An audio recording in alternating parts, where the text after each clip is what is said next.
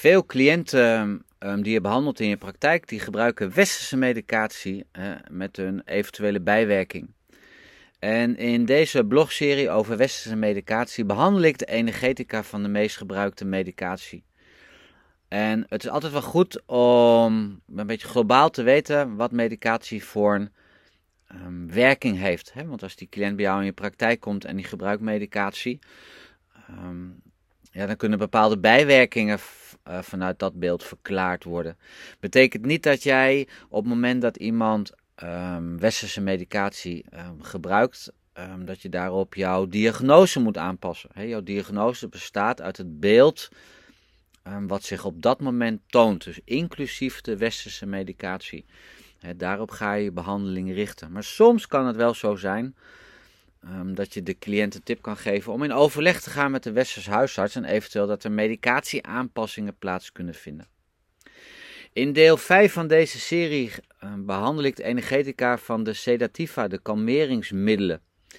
En dat zijn met die mooie termen de barbituraten en de benzodiazepine. Je zal het maar uit je hoofd moeten leren, die woorden. En die barbituraten en die benzodiazepina die hebben een dempende werking op het centrale zenuwstelsel. Of simpel gezegd, ze geven een kalmerend effect. Het zijn dus kalmeringsmiddelen. Die barbituraten, dat zijn geneesmiddelen die dus het centrale zenuwstelsel onderdrukken. En ze verminderen de activiteit van de zenuwen, waardoor de spieren gaan ontspannen. En doordat dus die spieren gaan ontspannen, gaan dus de hartslag, de ademhaling, maar ook de bloeddruk gaat naar beneden. Die barbituraten, die tasten het zogenoemde gamma-aminobutenzuur aan. En dat is de afkorting is GABA. En dat is een neurotransmitter, dat is een chemisch stofje, welke de zenuw gebruikt om met elkaar te communiceren. Dat GABA, die neurotransmitter, die dus een dempende werking heeft op je brein, die remt de activiteit van de hersengebieden um, die overactief zijn. Eigenlijk heel simpel gezegd is het GABA, hè, dat wordt door je hersenen van nature aangemaakt, maar dat gebeurt niet bij iedereen in voldoende mate. En als je daar onvoldoende van hebt, dan krijg je dus onrustige, angstige of opgejaagde um, gevoelens. En dat zijn ook weer die benzodiazepine. Die zijn dus na die barbituraten.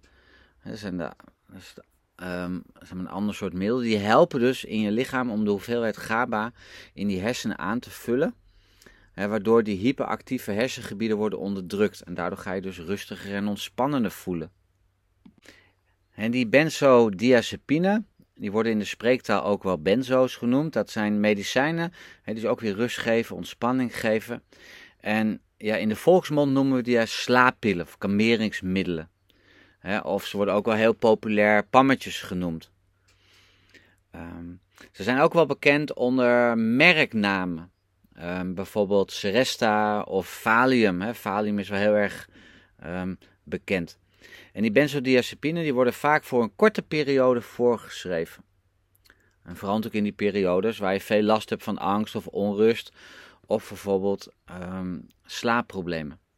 Een nadeel, mijns inziens, van deze medicatie is dat de symptomen, um, de problematiek die schuilgaat achter deze symptomen, die wordt door de medicatie niet opgelost. dus het is belangrijk dus om daar ook aandacht aan te schenken. Want wat is de onderliggende oorzaak dus van die angst, van die onrust of van die slaapproblematiek? en dat is vaak weer dat is een langdurig proces, het kan ook ingewikkeld zijn. De cliënt kan zeggen, nou goed, doe mij maar liever zo'n pilletje, omdat hij niet daar naartoe wil. Dat heeft hij weggestopt in zijn, in zijn systeem. En stel dus ook dat je dat doet, dan is ook nog eens het gevaar dat je een grote hang krijgt naar die medicatie. Want deze medicatie is um, zeer, um, zeer verslavend. Voorbeelden van die barbituraten, dat zijn uh, barbitol en fenobarbitol. Ik zou zeggen, van mij hoef je ze niet te onthouden. Effecten houden 8 tot 10 uur aan, dus dat is, nou, zo goed om een hele mooie tijd om, uh, om te slapen. Een nadeel is dat jij wakker wordt, uh, zeg maar gewoon met een kater of met een, ja goed, eigenlijk met een, met een duf hoofd. Met een kater worden is natuurlijk ook niet zo heel vreemd. Want het, ja, deze slaappillen die veroorzaken geen um, natuurlijke slaap. Ze zijn eerder um, kalmerend. Vandaar ook dat we het sedatief noemen. Dus ze geven niet je de natuurlijke voordelen um, van, de, van de normale slaap.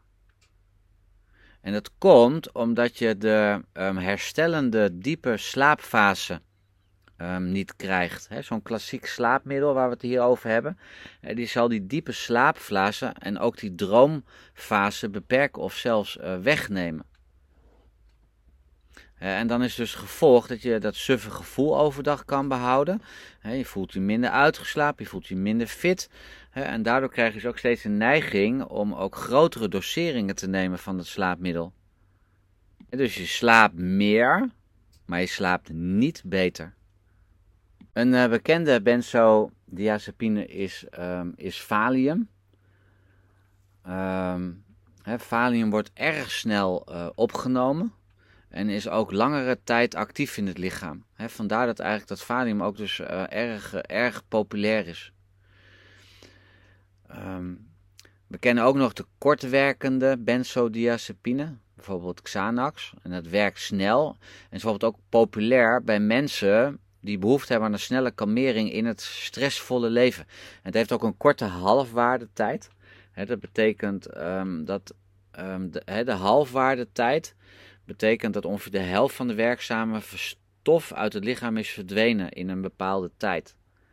en als dat dus vlot gebeurt, dan betekent dat de, ja, eigenlijk als de schadelijke effecten van het langdurig aanwezig zijn, um, ja, minder, minder groot zijn. Maar ook daarbij treedt toch weer die slaperigheid op, uh, moeilijk, uh, moeilijkheden met duidelijk spreken, eventueel zelfs huidontstekingen um, kunnen, er, kunnen er zijn. Um, er kan soms ook zelfs uh, overstimulatie zijn, terwijl je eigenlijk denkt van ik ben aan het sederen, ik ga iemand kalmeren. Maar het kan ook zijn dat er verlies van remming optreedt. dat zou je een beetje kunnen vergelijken met de effecten van alcohol dat mensen dus dan juist losbandig gaan worden. Vanuit Chinees perspectief um, deze middelen de hart shen en kalmeren ze ook lever yang. Maar sommige van deze medicatie, dat hangt ook van de hoeveelheid en hoe langdurig je neemt, kunnen ook het chi en het yang onderdrukken en als dat gebeurt, ontstaat er natuurlijk stagnatie van chi en zelfs ook kan er bloedstagnatie ontstaan. met allerlei problemen ten gevolge. patiënten voelen zich vaak moe, krachteloos, duizelig, slechte concentratie. En vaak zie je ook, omdat die cliënt zegt, oh, ik ben moe, krachteloos, duizelig, slechte concentratie, dan gaan die patiënten die gaan vaak meer bewegen. om zo die onderdrukte chi en yang weer in beweging te laten komen, weer naar boven te laten bewegen. En dat is precies tegenovergesteld aan wat die westerse medicatie doet. Die onderdrukt. die laat eigenlijk alles, alles, alles dalen, temperen. en dan gaan we eigenlijk bewegen omdat we ons niet prettig voelen. En dan gaat eigenlijk die chi en die yang weer naar boven bewegen. En dan heb je eigenlijk een tegengestelde beweging. Dan krijg je eigenlijk een soort botsing. En door die botsing ontstaat er stagnatie en stagnatiehitte. En dat kan dus leiden tot therapieresistentie. Dat jij dus eh, westerse medicatie gebruikt, maar dat je dus niet tot een oplossing komt. Maar dat komt dus omdat jij gaat bewegen, je gaat allerlei dingen doen, omdat je dus niet um, ja, die moeheid en die krachteloosheid wil voelen. Die chi is dan ook niet meer in staat om het watermetabolisme te reguleren, hè, die transformatie van voedsel te reguleren en er ontstaat damp. Deze gaat dan weer indikken door die stagnatiehitte, waardoor flem ontstaat. En die flem die kan weer de openingen van het hart verstoppen, waardoor angst, insomnia en rusteloosheid zal ontstaan. Dus dan neem je een westerse medicatie om ergens van af te komen, maar eigenlijk wordt die situatie alleen maar erger. En ook nog eens keer, hè, als dat bloed dan ook leeg is, dan kan de groen zich ook in de nacht niet opladen. Waardoor zelfs dus met slaapmedicatie er niet geslapen kan worden. En dat is wat ik net eigenlijk ook aangaf um, een paar minuten geleden.